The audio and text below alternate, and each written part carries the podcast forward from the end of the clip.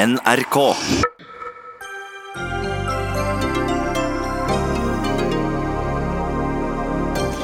Landbruksministeren rosemaler svineprodusentene, hevder dyreverner som gikk under jorda i fem år for å avsløre dyremishandling.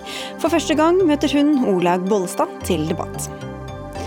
Full splittelse i herreklubben Norske Selskap, men styret har talt. Kvinner får fortsatt ikke slippe til i klubben.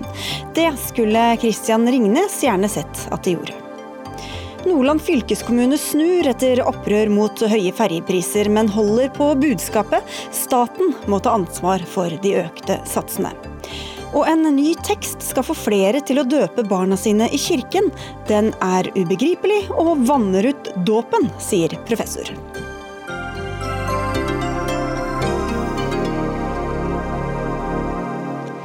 God kveld og vel møtt til Dagsnytt 18, hvor vi også skal snakke om det britiske kongehuset. I studio Sigrid Solund. Mange ble rystet i fjor sommer da en dokumentar avslørte elendig dyrevelferd på flere norske svinefarmer. Men har grisene fått det bedre siden filmen 'Griseindustriens hemmeligheter' ble vist på NRK? Ifølge en eh, kronikk i Nasjonen har ikke det nye dyrevelferdsprogrammet fungert. Det skriver du, Norunn Haugen. Det var altså du som var hovedpersonen som gikk under falsk identitet i denne filmen 'Griseindustriens hemmeligheter'. Og du jobber også med dyrevelferd til daglig. Hvordan ser du på utviklinga på dette feltet? Eh, jeg tar utgangspunkt i at dette såkalte dyrevelferdsprogrammet ikke vil gi eh, grisene bedre eh, dyrevelferd i betydelig grad. Grunnen til det er fordi det, kommer, det, brukes som et forslag til tiltak som vil da forhindre det vi så i griseindustriens hemmeligheter. Eh, men det jeg dokumenterte veldig mye av, var jo f.eks. voldsbruk. Og et eh, punkt i det dyrevelferdsprogrammet det er journalføring av syke og døde dyr, f.eks. Og det hjelper jo ikke eh, de grisene som blir dratt etter ørene, slått og sparket. I tillegg så er det fokus på såkalt økt kompetanse blant svinebøndene.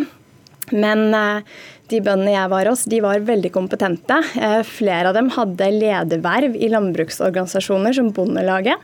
Eh, og de hadde fått priser fra næringen. Eh, en hadde ført tilsyn for Mattilsynet, og de kjente veldig godt til regelverket. Så det var ikke regelverks eller mangel på kompetanse som var årsaken til den behandlingen av dyrene. Og da mener jeg at det peker på noe helt annet enn enn det som landbruksministeren og griseindustrien tar opp da som problemet. For, for, dette programmet ble egentlig påbegynt før din dokumentar ble vist, men så har vel arbeidet med det intensivert eh, også, også i etterkant av, av, denne dokumentaren. Så landbruks- og matminister Olaug Bollestad, hvor trygg er du på at, eh, at forholdene er blitt bedre, og at programmet fungerer? Eh, jeg har lyst til å gi Norun rett i at det er den enkelte bonde som faktisk er den viktigste bidragsyteren for at eh, dyr skal ha det bra. Eh, det er jeg kjempeenig i. Og Samtidig så mener jeg at dyrevelferdsprogram har vi hatt før i andre næringer, som gjør at det har vist at det har forskning viser det har nytte Gå til kyllingnæringen f.eks., så har dette nytta. Eh, og så er det sånn at vi har, jeg som, lov, jeg som lovgiver, jeg legger rammer. Så har vi et mattilsyn som skal ha tilsyn. Og så har vi alle et ansvar for å melde ifra hvis vi ser at det ikke er god dyrevelferd. Og så blir bonden en viktig aktør. Og Da blir kompetanse noe av det, men det er jo ikke bare det vi har gjort. Men vi har gjort det òg med dyrevelferdsprogram. Ja, men Hvor sikker kan du være på at dette fungerer, og at hvis hun eller andre gikk eh, undercover i dag, at de ikke ville funnet de samme bruddene som du fant da? for noen nå er det sånn at det, det, var, det var, hadde vært tilsyn fra Mattilsynet tidligere som viste, fordi det hadde kommet inn eh, meldinger om at det var eh, sånne tilstander som Norun viser til i sin film. Eh, noen plasser i norsk dyrehold. Og Det gjorde at Mattilsynet gikk inn på tilsyn, som gjorde at vi faktisk måtte lage et dyrevelferdsprogram. Og så har jeg nå de siste, siden dette kom, det programmet, hatt tre møter. Både med Animalia, som har lagd dyrevelferdsprogrammet, som følger opp, til veterinærer, til mattilsyn, til de ulike næringene og til slakterinæringen. Nett, og, det, og, det, fyller jeg opp tett, for jeg mener at vi skal til bunns i. For ingen av oss er tjent med at det er dyrevelferd eh, som ikke er god. Det tjener ikke bonden på. Det tjener ikke dyret på, i alle fall. Men det tjener ikke vi heller, som synet på landbruket. Ja, jeg vil bare si først at jeg mener jo ikke at det er den enkelte bonde som er ansvarlig for dårlig behandling av dyr. Eh, jeg mener at det er systemet og den intensive landbrukspolitikken som føres, som, som fører til et effektivitetspress på bøndene. Eh, og den voldsbruken for eksempel, den oppstår i forbindelse med rutinearbeid som rengjøring av binger og flytting av dyr. Eh, og det som også er med dette såkalte dyrevelferdsprogrammet, det hever ikke dyrevelferden. Det skal sikre at bøndene overholder minstekravene, noe de burde allerede ha gjort. Um, og selv Animalia, dere har jo skrevet at moderne binger i grisefjøsene gir et stimulifattig miljø til grisene, og det fører igjen til halebiting. Okay, så det er liksom plastring på et mye større problem, da, ja, det er som det jeg du mener, beskriver? det er ensidig fokus i etterkant av griseindustriens hemmeligheter fra griseindustrien og landbruksministeren på disse regelverksbruddene og dette dyrevelferdsprogrammet, mener jeg eh, gir en misvisende fremstilling av hva som faktisk er de underliggende problemene til den elendige dyrevelferden i griseindustrien. Mm.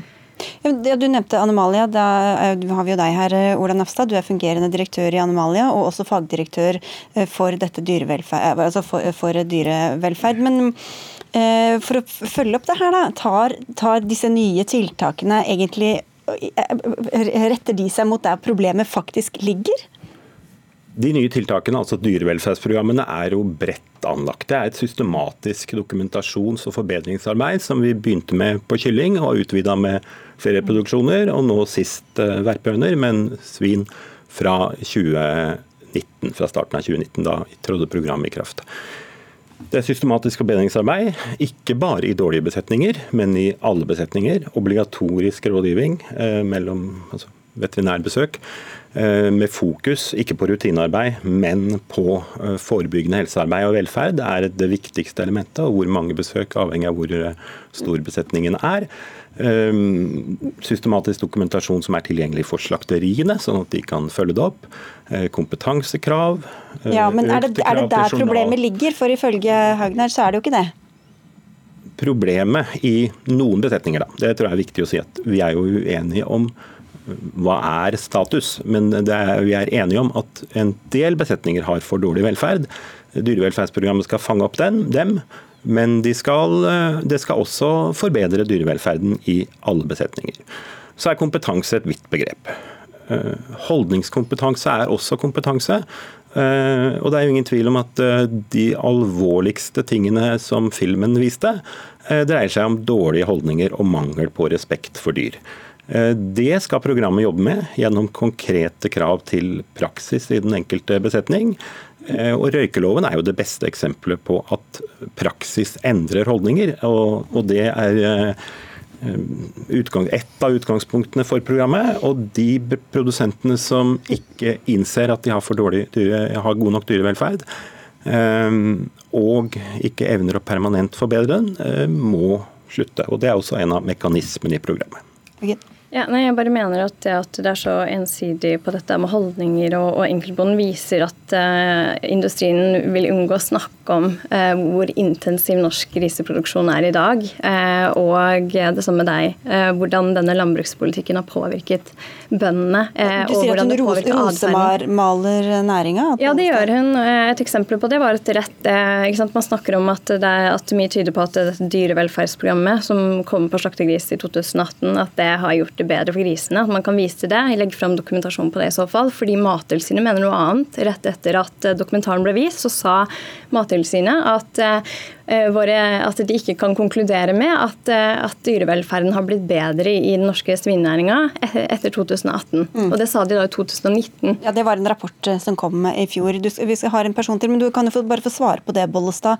Hvordan vet vi at dette programmet tar tak i det som Haugen i hvert fall mener er det grunnleggende problemet, med for liten tid, for liten plass, for lite naturlige vilkår for disse dyrene? Nå er det sånn at jeg vil jo, jeg er jo veldig uenig i at vi har et industrialisert landbruk i Norge. Vi har veldig mangfoldige bruk i Norge. Og jeg syns det er ganske graverende, for å si det mildt, at vi tar alle norske bønder under én kam. Det er veldig mange som driver veldig god dyrevelferd, og det er vi kjent for internasjonalt. Og så har jeg lyst til å si de som ikke har økonomi, eller ikke klarer å fylle opp dyrevelferd, som er et krav, de kan faktisk ikke drive med dyr de skal faktisk slutte av. Og så har vi gått i et samarbeid for å få program for å lære bøndene opp til å fylle opp dette. Og da må vi være sikre på at det virker. Og det har jo forskning vist, at når vi driver med kunnskapsoverføring, vi driver med tilsyn, vi vet at lover er normgivende, vi har gjort det i forskrift nettopp for å sikre at dette virker. Ok, men Vi skal slippe til deg også, Arne Nævra. Du sitter på Stortinget for SV og har sammen med noen partikolleger foreslått å endre dyrevernloven. Hva mener dere må endres? Altså jeg, På likhet med store deler av landets befolkning så satt jo jeg med hakaslepp etter at denne Brennpunkt-dokumentaren ble sendt. Jeg synes det, var, det er trist å se som jordbruksvenn at man gang etter gang etter gang får avsløringer. Det er forferdelig trist. Eh, så kan man komme med det ene velferdsprogrammet, dyrevernsprogrammet etter det andre, men husk på det, dette kan sammenlignes bitte lite grann med trafikkopplæring. Det er greit og flott med trafikkopplæring, jeg synes det er fint, men det hjelper ikke bare med holdningsendringer. Du må ha kontroll, og du må ha en kontroll som funker funker. Ellers så kjører folk for fort. Altså, Men Det ligger jo bl.a. i dette programmet at de skal kontrolleres. Vi har, levert, altså, vi har lagt fram elleve punkter nå i et uh, forslag på Stortinget, så vi måtte jo på et vis ta fram alt dette som er avslørt nå fram til Stortinget. Og Så får vi se. Der sier vi bl.a. at vi, vi, vil foreslå at Mattilsynet endrer navn til Mat- og dyretilsynet. For det er faktisk ikke bare mat vi snakker om her, med hensyn til at det er mat som mennesker liksom skal spise og det skal være bra for helsa vår osv. Nei, det er dyr som vi behandler her. Men det vil vel Mattilsynet si at det er, det ligger jo i deres mandat å sjekke disse dyrene. Ja, men bare tenk på navnet. Mattilsynet. Det er mange som reagerer på det. Og Vi ønsker å endre altså rutinen også for, for besøk, altså for uanmeldt uanmeldte og anmeldte tilsyn. Spesielt disse uanmeldte, som veldig mange selvfølgelig etterlyser. Du skal komme der, så skal ikke folk være forberedt på at du kommer. Altså Hvis du, hvis du har en halvtime på deg eller en time på deg, eller hva du nå har, så er det klart at folk kan få ta, tatt noen grep. Og på, uh, Når det gjelder f.eks. svin, så er det vel rundt 35 eller noe sånt som eh, blir eh, uanmeldte. Og da kommer sier masse fra en halvtime før, og resten er anmeldt. Altså Det er klart at da kan man gjøre ting i forkant. Først har jeg lyst til å begynne med å si at Når han sammenligner med, med, trafikk og trafikksikkerhet, så er det jo nettopp normgivende lovgivning som har vist at det har virket til at tall og, og, dødstall har gått ned. Så Hvis den sammenligningen er der, så gjelder det òg her. Normgivende og opplæringer, og opplæring gjør at vi faktisk får bedre kontroll. Og Så har jeg lyst til å si at ja, eh, når du sier at, at eh, en må endre navn for å få det bedre til. Komme på uanmeldte tilsyn. Jeg tror at vi skal ta inn over oss det var kjempealvorlig det som kom fram. Vi skal ta det på alvor, og det har vi gjort. Men jeg tror òg at skal vi få det til, så må vi òg bygge en tillit. Og jeg har, vært, jeg har, opplevd at SV spesielt er opptatt av tillit og tillitsbygging. Og det å hele veien vite at det kommer noen rundt hjørnet, er ikke sikkert at det blir en bedre dyrevelferd av det. Mm. Jeg tror Mattilsynet må jobbe både med uanmeldte tilsyn, men òg med dialog. Skape trygghet og hjelpe der han trenger det. Men nettopp for å sikre første tinga dere har avslørt i Mattilsynet, til de faktisk blir fulgt opp. Det har gått flere år mange ganger. Til og med Riksrevisjonen har jo påpekt dette her. Det går altfor lang tid. Folk har jo reagert på det. Riksrevisjonen, det er helt riktig. Riksrevisjonen har sagt at i noen tilfeller har det gått for langt. Og så har du andre tilfeller hvor en nå ser at Mattilsynet har grepet inn for fort. Ja, så Her er det kritikk mot, mot begge, men, men, så er det samtidig til dette, til dette dyrevelferdsprogrammet. For der er det jo sånn at Animalia dere har det overordnede ansvaret. Men dere eies av Nortura og av Kjøttfjørfebransjens landsforbund. Det blir jo litt bukken som passer havresekken her, da? Vi har jo aldri lagt skjul på at dette er næringas eget forbedringsprogram. Det erstatter ikke Mattilsynet på noen måte. Mattilsynet har sin rolle knytta til tilsyn og forvaltning. Næringa har behov for et sterkt mattilsyn. Hvor, hvor mye kan man da stole på det de finner, og hva slags oppfølging det, det programmet vil gi? På dette som på andre områder så kommer vi lengst med samarbeid og en tydelig rollefordeling. Sånn at jeg tror at summen av det vi får til gjennom dyrevelferdsprogrammet, og det Mattilsynet får til, det er det som skaper forandring i de besetningene som der forandring er helt nødvendig. Ja, jeg vil bare komme tilbake til det med, med, dyrevelferdsprogrammet. fordi Det veldig mange norske forbrukere reagerer på, er ikke nødvendigvis bare lovbruddene, men det er også oppstallingsmiljøet som disse grisene har. ikke sant? Griser er aktive eh, dyr som har et stort behov for å rote i jorda med trynet. Eh, og eh, i griseindustrien så har de, de lever på veldig trang plass og på betonggulv, noe som fører til stereotypisk atferd. Både Mattilsynet og Animalia sier jo at eh, f.eks. halesår, som kommer av at grisene utvikler denne stereotypiske atferden, er et stort og alvorlig problem. Og dyrevelferdsprogrammet gjør ingenting for å tilby grisene et bedre levemiljø. Mm. Og, og, dette er jo mer grunnleggende ting som ikke dere eller, Nei, men adresserer det heller. Det enkle midler det er f.eks. å få, få, i gang et dyrevelferdsmerkeprogram. Altså fordi at jeg tror nordmenn flest er veldig opptatt av å kjøpe eh, kjøttprodukter der hvor det er altså faktisk så veit de at dyret har hatt det bra. Okay. Vi, må, vi må avslutte veldig, så Det skal få hver deres replikk på slutten her. Ja, Bare si to ord om dette med stereotypt uh, miljø. Altså, Vi har de strengeste krava til grisehus i den vestlige verden, både med hensyn til plass, uh, komfort på liggearealet, strø, rotemateriale. Uh, vi er et av veldig veldig få land som ikke må kupere halene. Så kan man mene at det ikke er godt nok, og at det skulle vært mer, men, men vi har altså strenge krav i et internasjonalt perspektiv. Og så har vi sett faktisk at når en kommer til slakteriet og ser nettopp de sårene som vi snakker om, som, som er uakseptable, enten det gjelder på hofter eller gjelder hale, så er det òg trekksystem i dette. Bøndene ønsker å ta tak i det, og ønsker nesten å straffe det økonomisk fordi det er uakseptabelt. Og Da mener jeg da er det òg en vilje i næringa, for vi skal ha en dyrevelferd som er god. Det var det vi rakk. Tusen takk skal dere ha alle sammen for at eh, dere kom. Norunn Haugen, som altså er eh, både filosof og dyreverner, til eh, landbruks- og matminister Olaug Bollestad, Arne Nevra fra SV, og til Ola Nafstad fra Animalia. Dagsnytt 18 alle hverdager klokka 18.00 på NRK P2 og NRK2.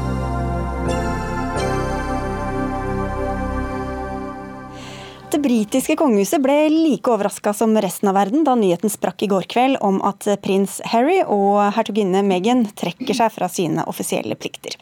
Paret annonserte også at de vil bo delvis i USA og dele tiden sin mellom USA og Storbritannia.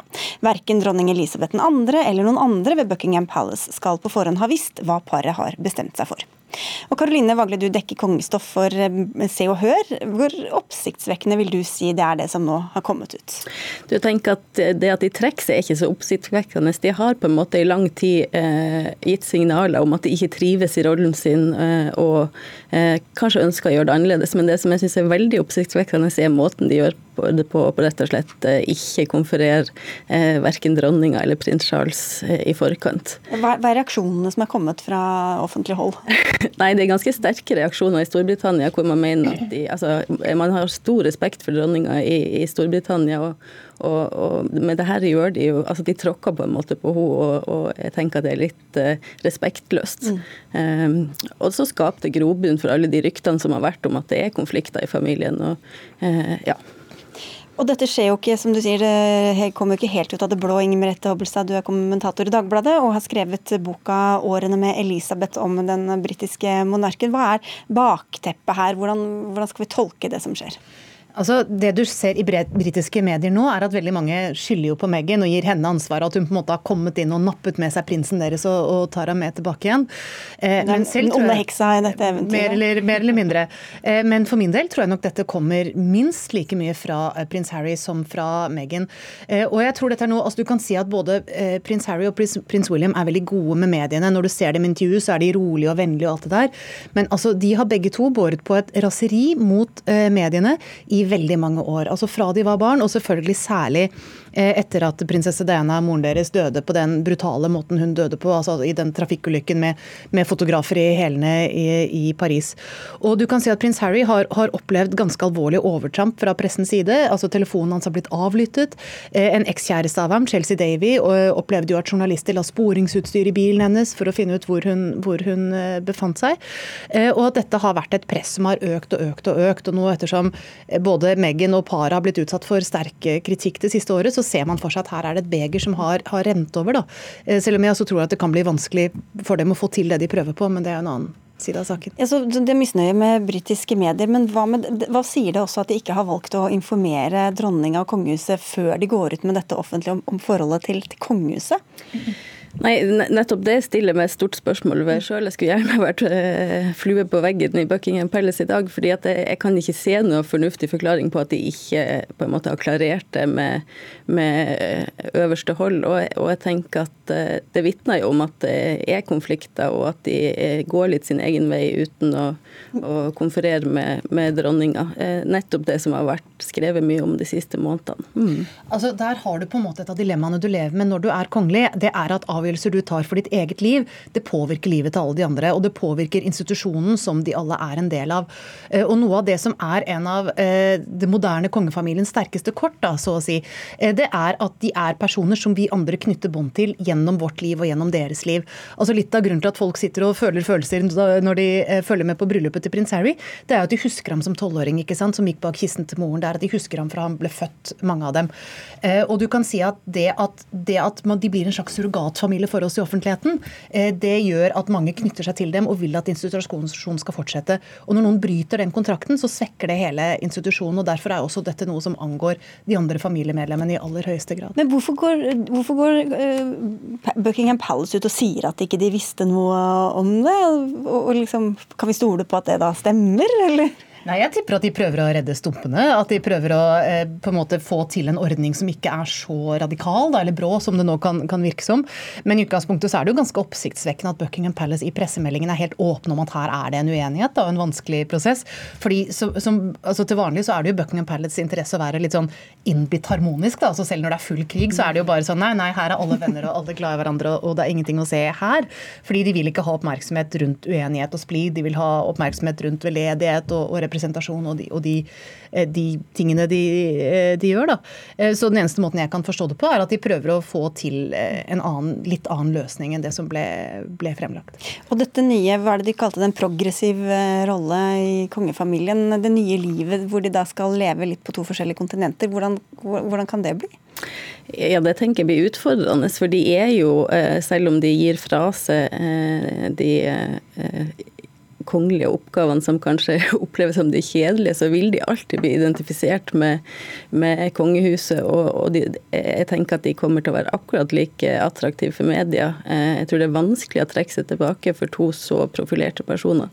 Eh, de sier jo at de skal jobbe med veldedighet, og at de skal fly mellom, mellom eh, Canada eller USA og Storbritannia. Eh, så får vi se, da. Men, men jeg er veldig spent på, på, hvordan den modellen skal utvikles. Og det er jo helt tydelig at, at de enda ikke har helt klarert hvordan det skal være. Altså, du kan si at Det er ikke første gang at nære slektninger av monarken har trengt å ha en jobb ved siden av det å være kongelig, men tradisjonelt så har den jobben for menn i kongefamilien vært knyttet til det militære, oftest til marinen, som er en sånn upåklagelig patriotisk vei du kan gå gjennom livet. da. Og, og prins Harry har jo vært militær, etter alt å dømme veldig dyktig, men har jo trukket seg ut av dette. Eh, og det kan si at, at hva de nå skal leve av, kommer til å være vanskelig å løse. De trenger uansett sikkerhet døgnet rundt, bare det er ekstremt kostbart. altså Hvem skal, hvem skal betale for det? Og du kan si at enhver ting de vil gjøre som er knyttet til kjøp og salg, vil være ekstremt eh, problematisk. fordi det vil jo selvfølgelig være altså Du kan si at det de har å selge, er sin kongelighet. Det er det at de er i slekt med, med kongelighet. De jobber med veldedighet eller hva det er, så vil det være en side av saken. Og det å kapitalisere på det blir alltid sett på som litt uh, uelegant. Minner om en litt hjemlig debatt eh, vi har hatt her et par ganger. og dette får vi sikkert lese mer om både i Se og Hør og i Dagbladet. Takk skal dere ha begge to, Inger Merete Hobbelstad og Karoline Vagle.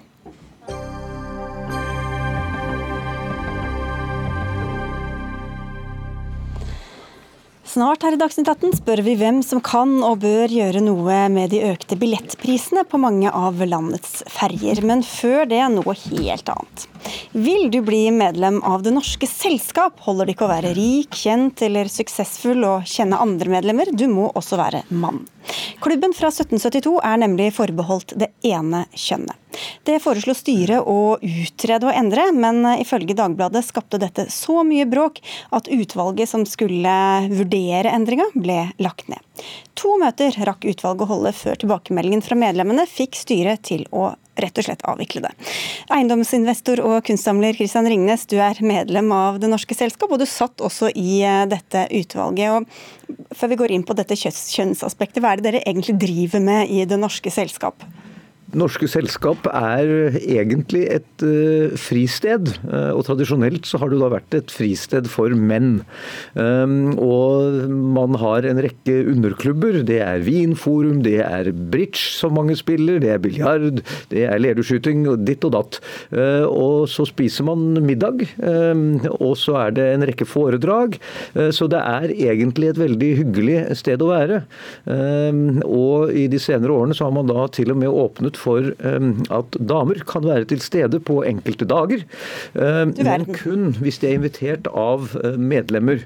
Uh, og så er det jo da en del av oss som har uh, syntes at dette var en litt underlig praksis, og at man burde åpne opp for vanlig kvinnelig medlemskap. Ja, og hva skjedde da, da dere skulle utrede dette? Det ble en, nedsatt en komité Ehm, komiteen eh, fikk et klart mandat, og det var at vi skulle bare drive med utredning eh, og ikke komme med en anbefaling. altså Vi skulle bare legge frem argumenter for og imot. Ehm, jeg tror eh, styret som nedsatte komiteen var klar over at det kom til å bli et høyt støynivå, så man var vel forberedt på at det kom til å bli diskusjoner. Men reaksjonene ble så sterke fra en god del av medlemmene at man dessverre besluttet seg for å legge ned komiteens arbeid på en måte før den allerede hadde startet. Ja, nettopp. Og med deg i denne komiteen hadde vi deg, Cato Schjøtz, advokat og også da selvfølgelig medlem av Det norske selskap. Hva syns du om at dere bare ble lagt ned før dere rakk å utrede noe? Jeg skiller veldig klart mellom spørsmålet om, et, om, at temaet skal utredes på den ene siden, og hva som er realitetsvurderingen på den annen, eh, på den annen side. Og jeg har gitt uttrykk for at eh, jeg syns det var en uklok beslutning å unnlate å ta diskusjonen. Og det er et vedtak, en avgjørelse, som jeg syns harmonerer dårlig med de idealene som det norske selskapet har hatt i over 200 år. Men hvorfor var presset da så sterkt at det rett og slett ikke engang var åpning for å utrede det? Jeg tror støynivået ble så høyt at styret prioriterte husfreden. Samtidig som de så at det var realistisk at dette forslaget, som krever to tredjedels flertall, ikke ville bli eh, vedtatt. Eh, slik at da ville man få en sterk indre opprivende strid som ikke ville ført til noen ting. Og så tok de da den, etter min mening, eh, beklagelige avgjørelsen å avbryte utredningsarbeidet. Det høres jo kanskje litt rart ut for mange at dette er så opprørende å slippe til kvinner for å skyte leirduer eller drikke vin, Christian Ringnes. Hvor, hva er det de frykter da, de som er så imot dette? Jeg tror det går på om man skal være en ren herreklubb eh, og et sted hvor menn kan være menn. Eh, hvor deres koner slipper å være redd for at de kan møte andre interessante kvinner og mye andre eh, som, ting som man kunne tenke seg. Personlig må jeg jo si at eh, i det øyeblikket en klubb, som tross alt har vært en del av samfunnslivet i Norge, og som tiltrekker seg mange gode foredragsholdere osv., eh, at ikke den skulle kunne ha som medlem eh, vår finansminister, vår statsminister, vår kulturminister, høyesterettsjustitiaris og sjefen for Norges største bank, da syns jeg på en måte at den diskvalifiserer seg ganske klart fra samfunnets hovedstrømninger. Og så kan det være hyggelig å ha en klubb hvor man sitter og koser seg for seg, men det er ikke det jeg syns norske selskap burde være. Nei, så du vil åpne for kvinner? Definitivt. Men du er ikke så sikker, Schjøtz? Jo, jeg, jeg, har signalisert at uh, jeg uh, kan jo avvente debattens gang, men uh, jeg heller til at det er grunnlag for vedtektsforandring. Hovedargumentet mot, som vi har sett av de innkommende mailene, går på det mer miljømessige. Altså Det er forskjell på internmiljøet i en ren herreklubb og i en klubb med, med, blandet kjønn. Så Det er dette miljømomentet som har vært ført i forgrunnen.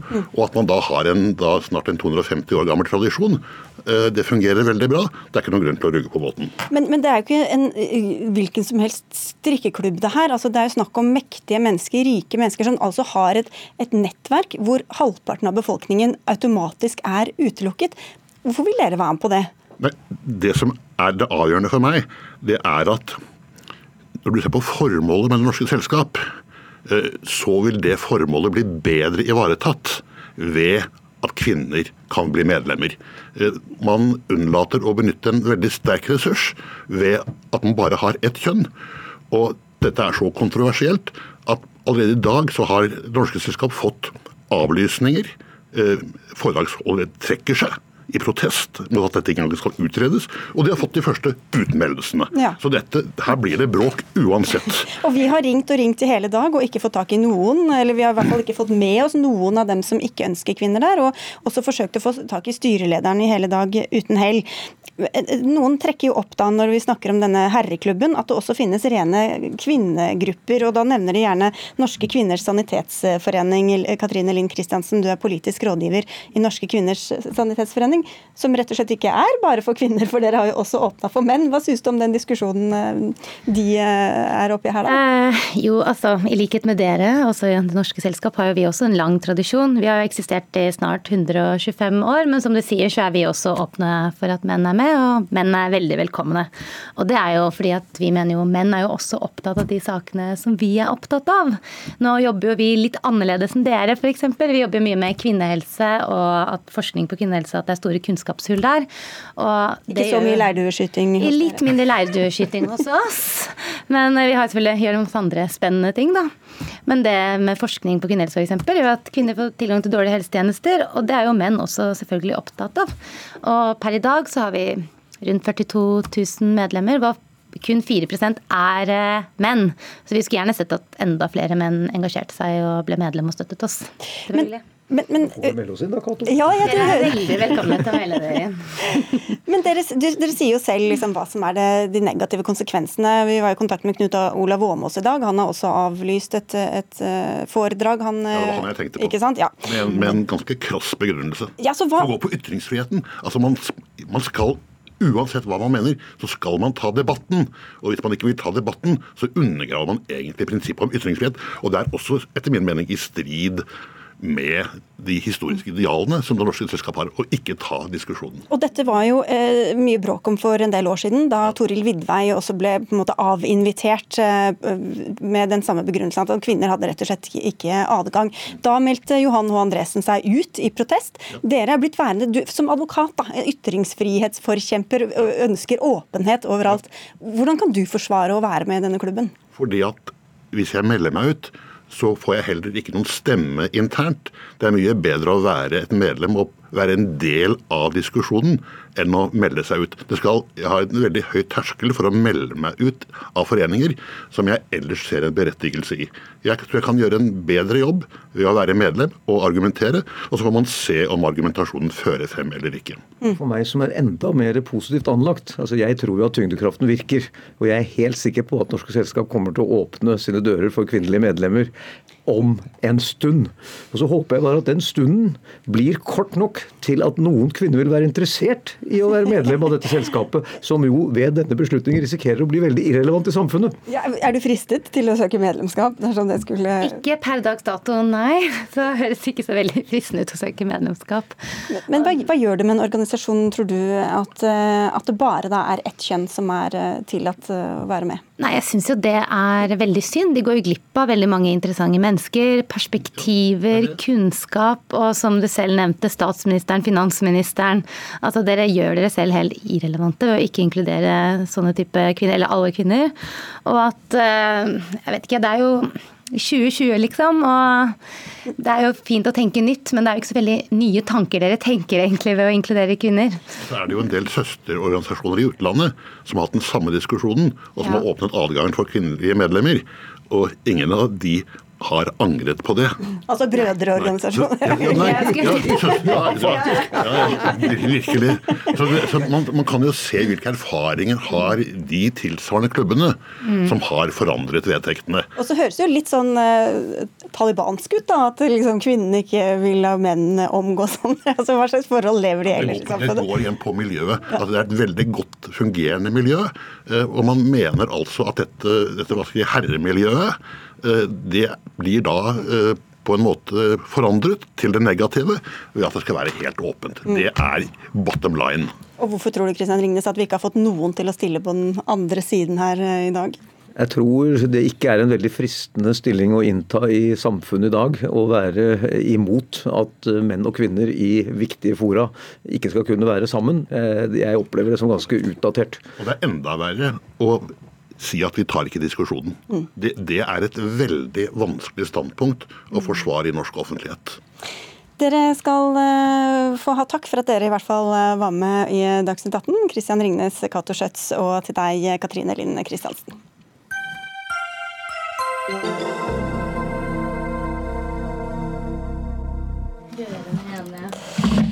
I ettermiddag bestemte Nordland fylkeskommune seg for å kutte ferjeprisene sine igjen, eh, bare ni dager etter at de ble satt opp til store protester.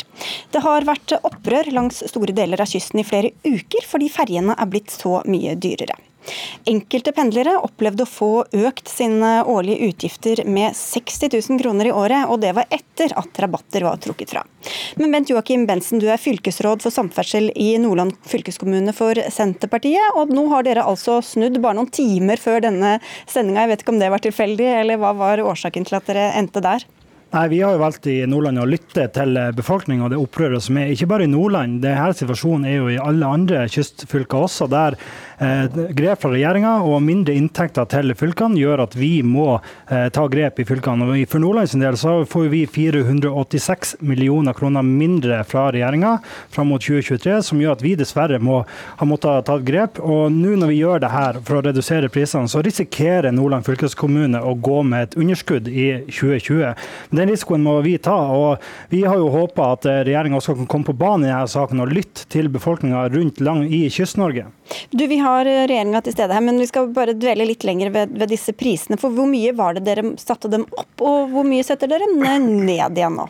Eh, Vi har ikke det konkrete forslaget klart ennå, for det er ganske en teknisk løsning. så Forhåpentligvis har vi det i løpet av uka, men det er helt klart at vi ønsker å være sammenlignbar med andre kystfylker. eh, Sånn at det ikke skal være noe dyrere å reise i Nordland enn de nord og sør eh, for oss. Men utfordringa er jo der fortsatt at fylkene får mindre penger fra regjeringa, som gjør at takstøkninga skjer jo i hele landet. Eh, men- Og det her er jo en situasjon vi ikke ønsker å være i. Ja, nettopp, fordi det, Hvis dere setter dem i likhet med andre, så kan de fortsatt være relativt høye. For det er jo da, som du selv sier, dette er et opprør som skjer langs hele kysten. I Møre og Romsdal har opprøret vært stort over en ganske lang tid. Og Arnfinn Ingjerd, du er med oss fra Ulsteinvik. Du er daglig leder for Maritim Forum Nordvest, en interesseorganisasjon for den maritime næringa på deler av Vestlandet. Hvordan slår disse økte ferjetakstene ut for deres bedrifter? For næringslivet i Møre og Romsdal så er det ganske, ganske dramatisk å få takstøkninger på 50-60-70 på, på fire år. Og eh, husk at vi har jo ikke noe alternativ. Vi kan jo ikke kjøre tog eller buss. Vi må ta ferjene. Og når en ferjetur på 12 minutter koster 800 kroner, så, så blir det dyrt å drive næring i, langs kysten. Ja, hvor dyrt, eh, hva slags utslag kan det få? Nei, Jeg kan ta et eksempel. Det er en bedrift som heter Viken Co. ute på Aukra utenfor Molde, som frakter eh, laks. Og de får 3,2 millioner ekstra utgifter pga. disse ferjetakstøkningene som nå kommer. Mm. Så mye penger både for folk og for næringsliv, eh, Jon Georg Dale, samferdselsminister. Hva svarer du til alle disse fortvilte menneskene? At jeg forstår veldig godt at uh, for de av oss som kommer fra områder der ferja er eneste alternativ, så er det en grense for hvor mye en kan betale. Derfor så vil jeg gjøre noe så uvanlig som å gi Senterpartipolitikerne i Nordland ros for å nå snu, under forutsetning at det er det de også gjør i vedtaksform. Fordi det er klart at disse kostnadene uh, ser vi at det blir reagert på, det med god grunn. Det gjør jo at regjeringa har jo prøvd å komme både fylkeskommunene og ikke minst ferjepassasjerene i møte både gjennom at vi nå eh, har de siste åra økt bevilgningene til fylkeskommunene for å finansiere de fylkeskommunale ferjene. Men ikke minst gjennom at vi har holdt eh, ferjeprisen nede på de ferjene som staten har ansvar for, riksveiferjene. Og nå prøver vi å få til ytterligere forbedringer også der, sånn at bilistene skal oppleve at eh, kostnadene ikke vokser så mye som vi nå har sett. Men jeg tror Før vi går videre, så må vi bare skjønne, Bensen. Um, hva er det som gjør at prisene har økt da langs kysten? Det her går jo på rammebudsjettet til eh, fylkene, og vi får jo 486 millioner kroner mindre fra regjeringa enn det vi, eh, vi, fikk eh, tidligere. Og Jeg er jo veldig glad for at statsråden sier at regjeringa ytterligere skal se på det her, og at de skal komme med midler. For det har jo tross alt vært forslag i Stortinget både i mai i fjor og i desember om nettopp det her, og øremerke midler til det. Da stemte regjeringa imot, så her må statsråden gå ja, men er tilbake. Er det bare ramme, rammevilkårene, eller er det også det er snakk om at det er innført autopass på på ferjene, slik at bare de som har bil skal betale, mens, mens private, altså sykkel og, og, de som er til fots slipper. Hva, hva har det gjort med, med inntektene? Det er jo en uh, sammensetning her. og Det vi ser med de verdikortene der det er en inngangssum på 3600 kroner, så er det uforholdsvis dyrt. og det er også vi i Nordland Hva betyr det? Hva er det? Ingvar skjønte ikke. Det vil si at For å få verdikort, så må du inn med 3600 kroner. Hva er et verdikort? Det er for å få rabatter på ferga. Så inngangssummen satt, den prisen er satt av departementet, er satt til 3600 kroner. Det mener vi er uforholdsmessig høy, så den burde reduseres. Samtidig som vi nå tar grep og reduserer eh, prisene på, på fergen og tar en risiko selv i Nordland. Regjeringa burde komme på banen og se utfordringa. Jeg ønsker å invitere statsråden til å bli med ut til Træna.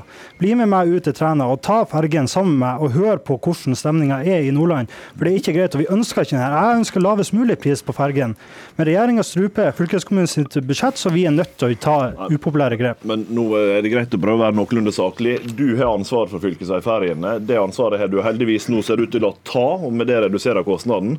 Men det er altså du som som må gjøre disse prioriteringene i de egen fylkeskommunene. Det er derfor du er satt til å lede den. Og så skal, eh, skal vi gjennom vår regjeringsdeltakelse bidra til å ta ned kostnadene. Det har vi gjort. Det var frivillig å innføre autopass. Det kunne en valgt å ikke gjøre, men vi gjorde det. På riksveiferjene har vi laga autopassordninga og tilbudt den samme til fylkeskommunene, fordi at det gir enklere billetteringsløsning. Du gjør at du slipper å ha billettører om bord. Så det, det, det er en forenklingsdimensjon i det, som også må komme passasjerene til gode. Det gjør det i dag, hvis du ikke bruker bil. Og Vi må se til om vi kan få til bedre løsninger også for de som bruker bilen men, fortsatt. Men la meg bare sjekke en ting. fordi i, sommer, i, fjor, i, fjor, sommer må vi si nå, så ble det veldig mye bråk, og så godt som regjeringskrise, da det var veldig mye støy om disse økte mm, bompengesatsene, som også var lokalt satte satser. Hvorfor satte dere inn så store ressurser da, mens nå lener dere dere tilbake og peker på fylkeskommunen? Men det gjør jeg jo ikke. Jeg sier at fylkeskommunen må ta det ansvaret de har. Det vi gjorde i fjor, det var der staten hadde ansvar tok vi det. Vi sletta f.eks. bompenger. Jo, men Dere gikk jo, dere gikk jo også inn og skal vi si, gikk inn i lokale, altså fattet vedtak som angikk lokale vedtak? Eh, ja, det vi gjorde, det var at vi tilbød større hjelp, og det har vi også gjort til fylkeskommunene. F.eks. når vi nå har sagt at det skal komme 100 millioner kroner mer i året helt tilbake til 2018. Hvert år skal det komme 100 millioner mer for å finansiere de merkostnadene som en nå får når en skifter ut store deler av ferjemateriellet. Og det er jo ikke rett at, det ikke rett at, at, ikke rett at Nordland fylkeskommune nå taper penger. Altså fra, I perioden 2015 til 2019 så er altså inntektene per innbygger i Nordland gått opp hvert år. Og det gir jo eh, fylket større muligheter både i Nordland og i mitt eget fylke, Møre og Romsdal. Men det forutsetter at politikerne som er valgt til å styre, faktisk prioriterer ja. ferjene der. Og det uh, hører jeg nå at de har tenkt å gjøre i Nordland. Og jeg håper jo mine folk i Møre og Romsdal også Vi går til Nordland før vi går til, til deg i, i Møre og Romsdal. Det, det er du som må prioritere, Bensen. Ja, jeg synes det blir litt enkelt av statsråden å skylde på eh, befolkninga. For hvis du regulerer for prisvekst, så har Nordland fylkeskommune fått 63 millioner kroner mindre i 2020. Eh, så ja, og vi tar jo grep. Vi lytter til befolkninga i Nordland. Og det, det, er jo akkurat det jeg oppfordrer statsråden til å gjøre, at vi felles kan finne en løsning for å redusere det. For det her er ikke en utfordring som er unik for Nordland, som også Møre og Romsdal sier. Det gjelder alle andre fylker. Så det er utfordringer langs kysten, og eh, nå må regjeringa komme på banen. Skal skal vi huske hvor verdiene skapes. Det er ingen laks i Nordland som eh, produseres langs E6, og det skal vi være bevisst på i den sammenhengen her. Det kan komme, det. Nei da. Eh, Arnfinn Inger med fra Ulsteinvik. Ja, jeg må bare si at jeg syns det er veldig trist å høre at eh, stat og fylke driver og skylder på hverandre, mens vi som bruker ferjene må betale. Og det, det, de må sette seg ned og finne en løsning som kommer oss brukeren til gode. For sånn som det er akkurat nå, så vil det føre til, eh, om ikke en avfolkning, så en redusering av eh, både folk og bedrifter langs kysten pga. disse økte, økte kostnadene. Men det er litt Også ulikt. huske på, som et Ja, jeg skulle bare spørre, ja, for Det er litt ulike forklaringsmodeller også på, på hvorfor det er blitt sånn med disse, med disse økte prisene. Hva er deres opplevelse av det? Ja, ja, et poeng der er at eh, hvis vi går tilbake til Parisavtalen 2015, så, eh, så fulgte Stortinget bl.a. opp med et vedtak om at det skulle bli lav- og nullutslippsløsninger på ferjene. Dette har fylkene fulgt opp, spesielt her i Møre og Romsdal. Og brukt mye penger på batteridrevne ferjer.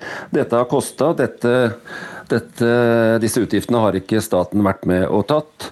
Slik at, eh, slik at eh, fylkene har kommet eh, dårligere ut økonomisk. Og samla sett så har de tre største ferjefylkene, Nordland, Møre og Romsdal og Vestland, de er underfinansiert med 700 millioner, ifølge fylkene. Det er også et annet interessant poeng her, er at regjeringen er jo blå- blå-blå, og eh, alle disse tre fylkeskommunene ledes av rød-grønne flertall. Og det blir jo for dumt om det er partipolitisk taktikkeri som ligger bak det spillet som foregår nå. Men Det er helt enig. Det er ikke grunnlag for et politisk spill på dette, men det, er en ganske klar forutsetning i Norge at de som har ansvar, de som må ta ansvaret. Og Derfor så har jeg ansvaret for riksveiferjen, og det kommer vi til å ta. Vi har også delvis ansvar for finansiering av fylkeskommunene, derfor har vi styrka dem, og det skal vi fortsette med også de neste åra, men eh, til to klare premiss. Det er Arnfinn Inger sine medlemmer som bygger ferjer, som profitterer på at vi nå faktisk er med og gjør et stort teknologiskift. Og Han vet inderlig vel at det er ikke rett at ikke regjeringa har vært med på å ta denne regninga. Vi har vært med i stor grad på å ta denne regninga gjennom å styrke Enova, som er direkte bidraget til investeringer både i infrastruktur og teknologiutvikling på denne, gjennom Forskningsrådet i Innovasjon Norge. Så det, det, det er faktisk feil, og det vet Anfing Ingjerd veldig godt, og medlemmene hans har tjent på dette. Men så mener jeg det siste vi må følge opp, er det som eh, både fylkesråden i Nordland sier, og som de for så vidt eh, Arnfinn Inger sier. Vi må finne best mulig løsninger på dette i framtida. Derfor har jo vi diskusjon med Kommunenes sentralforbund. Følge opp hva er det som skal til, hvordan fortsett- fortsetter denne kostnadsutviklinga, hvordan skal vi håndtere det.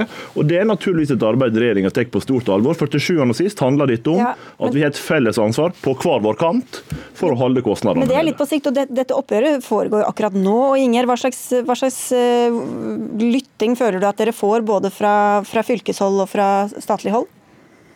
Eh, Veldig, veldig lite.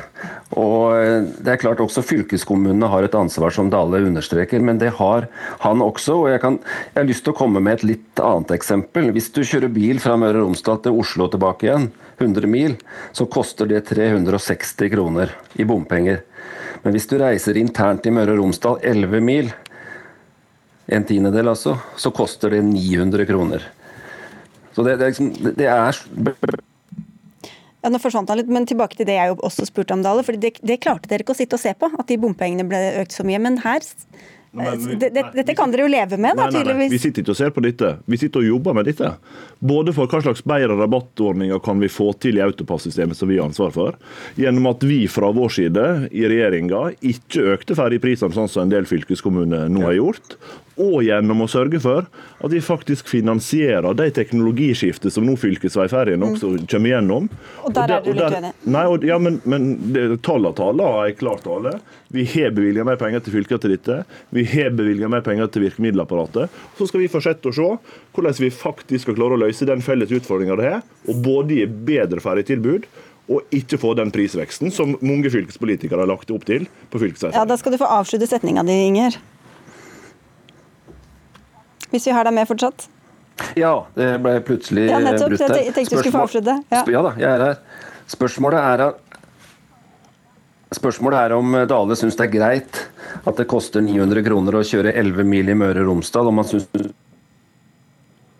Ja, det var vel, Hva sa du til egentlig? Er det greit at det koster så mye? Svaret på det er eh, nei. Derfor foreslo mitt parti i fylkestinget å ikke gjøre disse takstøkene. Men, men til sjuende og sist så er det fylkespolitikerne som beslutter dette for fylkesferjene. Det er derfor vi har fylkestingsvalg. Og de valgene har dessverre konsekvens når Senterpartiet i fylke etter fylke har valgt å sette Ja, opp disse prisene. Da får vi sette ordet til slutt eh, opp til deg eh, fra Senterpartiet og fra Nordland, Bensen. Ja, Regjeringa kommer ikke unna at de har eh, redusert bevilgninga med en halv milliard til Nordland fylke. Opp mot en halv milliard. Og Det er utfordrende for, utfordrende for oss. Det kommer ikke nok penger i forbindelse med grønne skiftet, som også statsråden sier. Så jeg er veldig glad for at eh, han er med på en dialog nå. Og så er han vel hjertelig velkommen til å bli med ut til Og Jeg ser fram til han takker ja til den invitasjonen. Han eh, sier ingenting, så da får vi vente og se om han bestiller billett. Du kan jo alltids kjøre opp dit, selvfølgelig. Det tar litt tid, du må gjennom noen bommer, men bedre enn ferje. Det er godt å se meg rundt i landet og faktisk se på de utfordringene som folk har. Så jeg ser ikke bort fra at vi får til det i løpet av året. Takk skal dere ha alle tre for at dere var med i Dagsnytt 18. Arnfinn Ingjerd fra Maritim Forum Nordvest, til Jon Georg Dale, som også er samferdselsminister, og til Bent Joakim Bensen, som er fylkesråd for samferdsel i Nordland. Hør Dagsnytt 18 når du vil. Radio NRK Radio.nrk.no.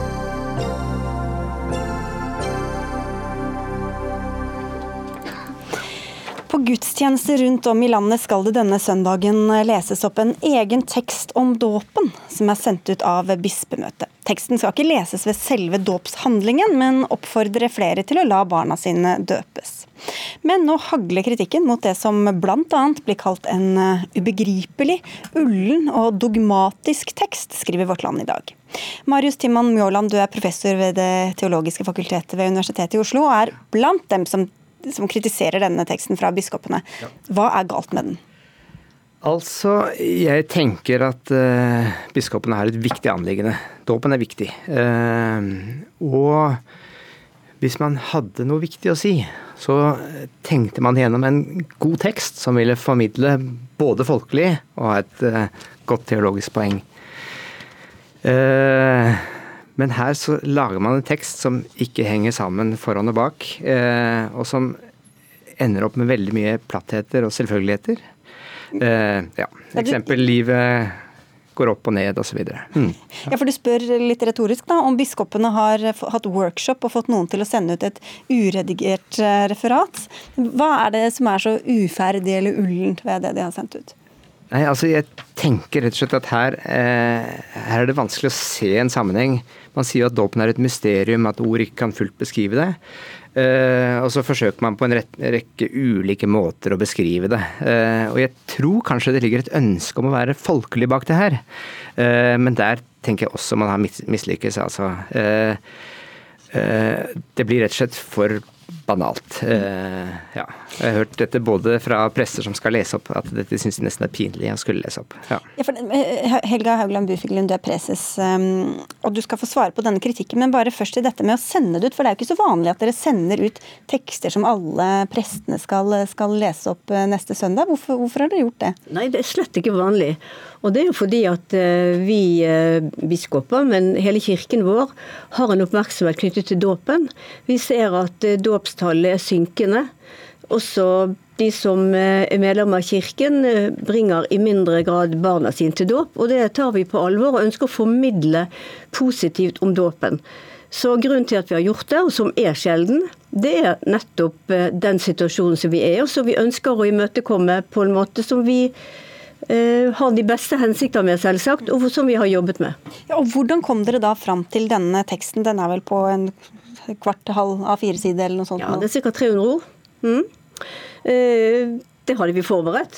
Eh, Det jobbet vi med på et bispemøte gjennom mange timer. Og vi kom frem til denne teksten som vi står bak alle sammen. Men så får vi høre da, den er ullen, den virker uferdig, dere vil litt det ene, litt floskler og litt teologi. Hva svarer du? For det svarer jeg at eh, for det første så synes jeg ikke den typen karakteristikk av noe som tolv biskoper har arbeidet ut, er veldig konstruktiv.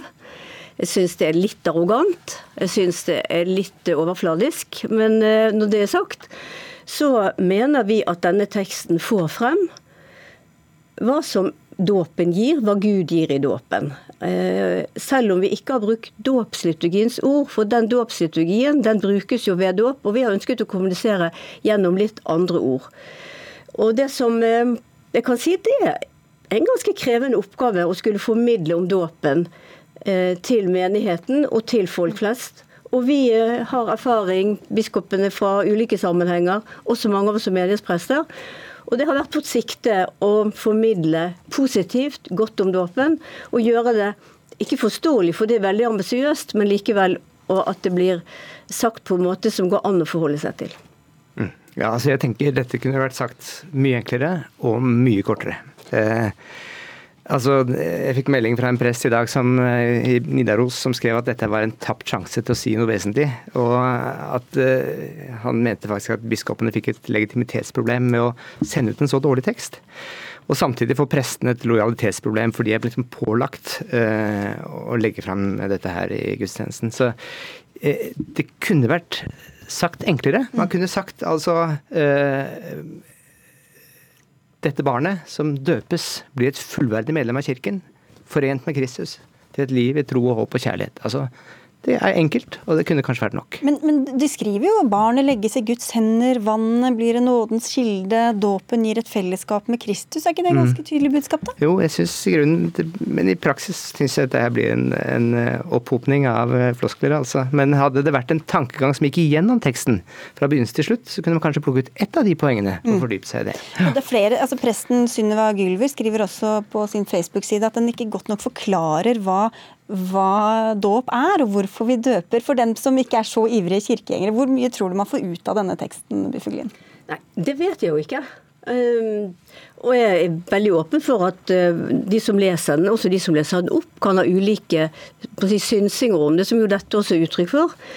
Uh, men uh, det at en samling av floskler og selvfølgeligheter, syns jeg liksom er en karakteristikk som jeg syns treffer relativt dårlig, det må jeg si. Og jeg mener at noe her er veldig tydelig. Det er ikke alle formuleringer som er innertida. Og det er også en del formuleringer som avspeiler at også tolv biskoper uttrykker deler av dette som vi ønsker å si på ulik måte. Har alle fått hver sin setning? er det sånn? Og alle har slett ikke fått hver sin setning. Alle har lest alle setningene og sagt at dette står vi samlet om. Mm. Og, kritikken spriker jo litt. da. Du sier det er ullent og floskelpreget, mens ja. Trond Bakkevik skriver i, i Vårt Land at det er tettpakket dogmatisk teologi. Hvordan kan dere lese det så forskjellig? Det er nok Trond Bakkevik og jeg er uenige. Eh, han hadde et, også et alternativt forslag som lignet veldig på det her. Eh, så det er flere som er uenige om denne teksten. Eh, jeg tenker eh, Når biskopen leser min kritikk, så er det kanskje ikke så vanskelig å se en itslett av satire. Og jeg tenker satire er fullt på sin plass i en offentlig debatt om viktige teologiske spørsmål. Men hvor symptomatisk vil du si at denne teksten er for Kirkens generelle kommunikasjon om, om typisk teologiske spørsmål? Akkurat det jeg tenker er problemet. At den er akkurat like uklar hvis man går inn på, eh, på nettsiden og i mye av det som sies om dåpen. Og jeg tror eh, det ligger et ønske i dette om å være veldig pedagogisk, om å være, eh, komme folk i møte. Eh, men det løser seg opp i veldig mye selvfølgeligheter. Jeg tenker det kan være bedre å, si, å forsøke å tenke noe klart. Si det klart. Og så la folk komme med sine ulike forklaringer. Det er klart at Dåpen skal være åpen for svært mange, og der tror jeg vi deler et engasjement for dette, Helga og jeg. Mm -hmm. at, uh, at, mange skal ønske velkommen med helt ulike begrunnelser, og de skal ikke vi overprøve. Uh, sånn sett så er det fint at dere inviterer inn til dåp. Men samtidig er det et symptom på et større problem for Kirkens kommunikasjon? Kirken er alltid utfordret til å kommunisere, både evangeliet og også det som skjer i de hellige handlingene som dåp og nattvære. Det tror jeg vi erkjenner. Og det å gå inn i dette og søke å bruke andre ord enn det som liturgien har, som jo er tettpakket teologi, det er noe som Eh, jeg tror at vi ser at vi må arbeide med kontinuerlig. Men jeg mener jo f.eks. når vi har sagt at dåpen gir oss et løfte og et håp om at livskreften er sterkere, og at Gud tilgir oss og renser oss for all urett, så kan jeg ikke forstå at det er annet enn det dåpens sentrum, det dåpen gir. Så når du har anført at vi ikke tydeliggjør hva dåpen gir, mm. så forstår jeg det faktisk ikke. Nei. Der vil jeg bare si at dere snakker det i stykker med dette dokumentet, dessverre. Det er men, der. men, vi, men vi har ikke sitert dåpsliturgien. Nei, og det syns jeg er helt i orden. Må dere gjerne skrive et helt annet. Vi hørte jo her eh, om det kan få lojalitetsproblemer, altså kommer i skvis. De prestene som kanskje egentlig ikke har lyst til å lese dem, må de lese det, eller eh, hvordan er det? Altså, Biskopene har et eh, ønske om og har villet at dette skal leses i alle landets kirker. Mm. Der er ikke en politivirksomhet knyttet opp til denne typen arbeid som prestene står i, men vi ønsker at den skal leses opp og komme til menighetene i Den norske kirke. Og for alle som vil høre den, er det jo bare å finne kirkebenken da, førstkommende søndag. Takk skal dere ha, Helga Haugland Byfuglin og Marius Timan Mjåland, for Dagsnytt 18 er over for i dag. Vi høres igjen i morgen. Dag Dørum, Hanne Lunås og jeg, Sigrid Solund, takker for oss.